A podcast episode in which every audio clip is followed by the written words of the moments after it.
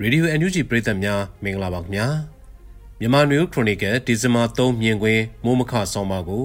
ကျွန်တော်ရန်နိုင်ကတင်ဆက်ပေးပါတော့မယ် KNU KNL နဲ့ပူးပေါင်းဖွဲ့တွေမုံမျိုးမူးမျိုးကိုသိမ်းယူစကိုင်းတိုင်းတွေကနောက်ထပ်ရွာသား၁၀ကနန်းကျော်တပ်ဖြတ်ခံရတဲ့နောက်ထပ်ဖြစ်ရတကူ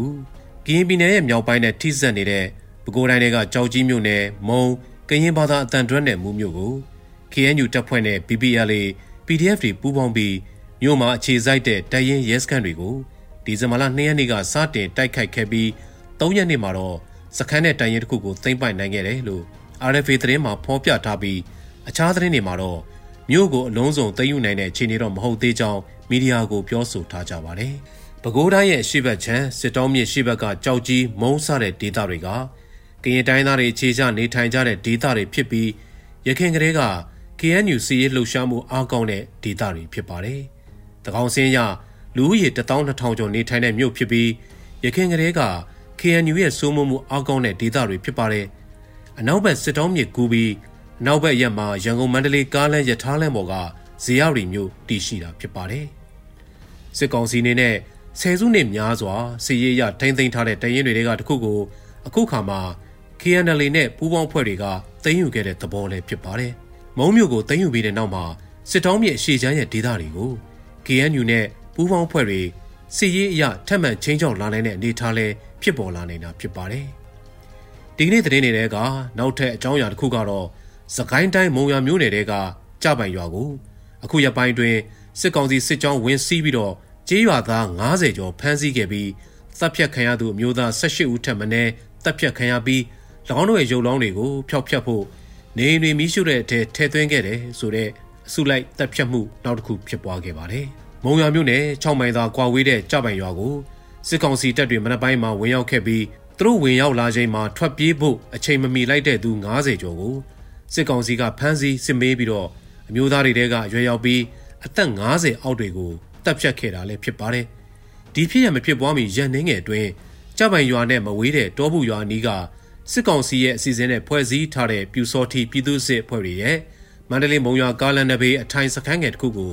PDF တွေကတိုက်ခိုက်ခဲ့ပြီးတဲ့နောက်ရန်နှဲငယ်တွင်မှာအခုလိုစစ်ကောင်စီတပ်တွေကအဆိုပါတောဘူးရွာမှာခြေစိုက်ကြတဲ့ပြူစောထီတွေနဲ့ပူးပေါင်းပြီးလက်စားချီတိုက်ခိုက်ခဲ့တာဖြစ်မယ်လို့ဒေသခံတွေဆိုကြောင်းသတင်းတွေမှာဖော်ပြထားပါတယ်။စကိုင်းတိုင်းတွေကကြေးရွာတွေနဲ့အချို့သောကြေးရွာတွေကကြန့်ခိုင်ရင်းနဲ့စစ်ကောင်စီကိုထောက်ခံတဲ့ကြေးရွာတွေဖြစ်ပြီးအခုလိုလက်နက်ကိုင်ပြိပခါတွေမဖြစ်ခင်ငကိုကတုံးကတော့ အခုလိုလက်စားချေတိုက်ခိုက်သတ်ဖြတ်ထားတွေမရှိပေမဲ့စစ်အာဏာသိမ်းပြီးနောက်ပိုင်းစစ်ကောင်စီအနေနဲ့အဲ့ဒီလိုကြေးရွာတွေကိုပြည်သူစစ်ဖွဲ့စည်းပြီး PDF တပ်ဖွဲ့တွေကိုတိုက်ခိုက်ဖို့စစ်ကောင်စီရဲ့စစ်ကြောင်းတွေထိုးတဲ့အခါဂူညီရဖို့စီစဉ်လှုံ့ဆော်ခဲ့တာဖြစ်ပါတယ်။ကမ်ဘလူမျိုးနယ်ဘက်မှာ950ဆရာတော်လို့လူသိများတဲ့အသက်အရွယ်အားဖြင့်လူလက်ပိုင်းဆရာတော်တစ်ပါးကအဲ့ဒီနယ်တဝိုက်မှာပြည်သူစစ်ဖွဲ့တွေကိုဥဆောင်တင်တဲ့ပေးတာစီးယုံတာကြေးရွာကာကွယ်ရေးအဖွဲ့လို့ဆိုပြီး PDF တွေကိုတံပြန်တိုက်ခိုက်ဖို့စီစဉ်ထားတွေမှနာမည်ကြီးပါတယ်။ကြပိုင်ရွာဖြစ်ရက်ကိုကြည့်ရင်လူဒါစင်နဲ့ချီသတ်ဖြတ်ပြီးနေအိမ်ရာကလေးမီးရှို့ဖျက်ဆီးခဲ့တဲ့ဖြစ်ရက်ဟာစကိုင်းတိုင်းအဖို့အသစ်ဆန်းမဟုတ်ပေမဲ့ရွာနီနာချင်းနှစ်ရွာကိုရန်သူဖြစ်အောင်အခဲမကြေဖြစ်အောင်ဖန်တီးခဲ့တဲ့သဘောမျိုးတွေ့ရမှာဖြစ်ပါတယ်။ဒီကျေးရွာကိုဝင်ရောက်ချိန်မှာ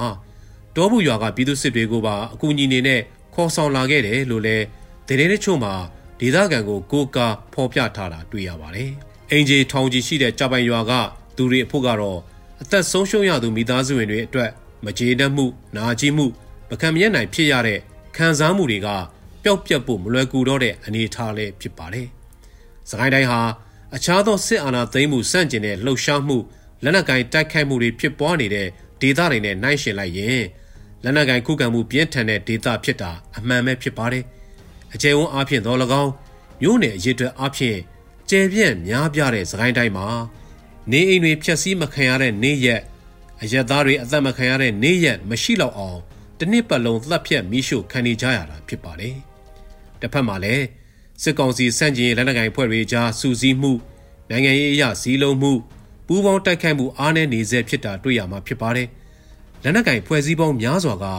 မိမိတို့အစီအစဉ်မိမိတို့ခန်းစားချက်နဲ့ မိမိတို့ဆုံးဖြတ်ချက်တွေနဲ့တိုက်ခိုက်နေကြတာဖြစ်ပါတယ်။စစ်ကောင်စီစန့်ကျင်အင်အားစုတွေအကြားနိုင်ငံရေးစီရေးအရာပူးပေါင်းဆောင်မှုနောက်တစ်ဆင့်အနေနဲ့ဘုံစစ်စင်ရေးတွေအထိလုံနိုင်ဖို့ကတော့